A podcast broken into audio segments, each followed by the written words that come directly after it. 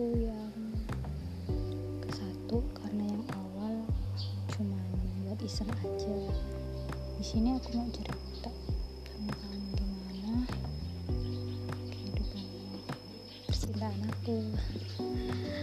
Oke dari awal aku tuh uh, gimana ya ceritanya agak bingung juga sih.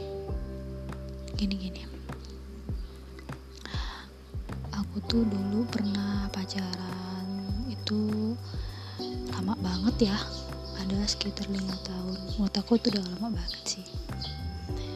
Terus putus gitu aja karena emang ya yang jahat. Tahu kenapa dia jahat? Dia selingkuh. Yang awalnya aku nggak tahu.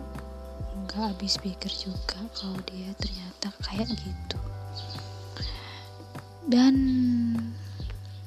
sekarang alhamdulillah banget sih udah dapat penggantinya.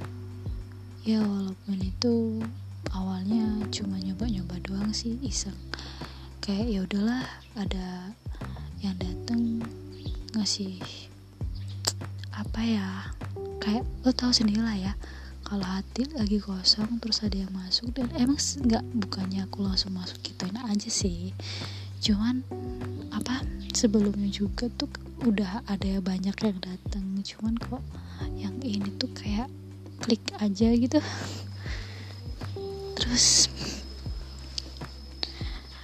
kalau sama yang ini sebenarnya aku masih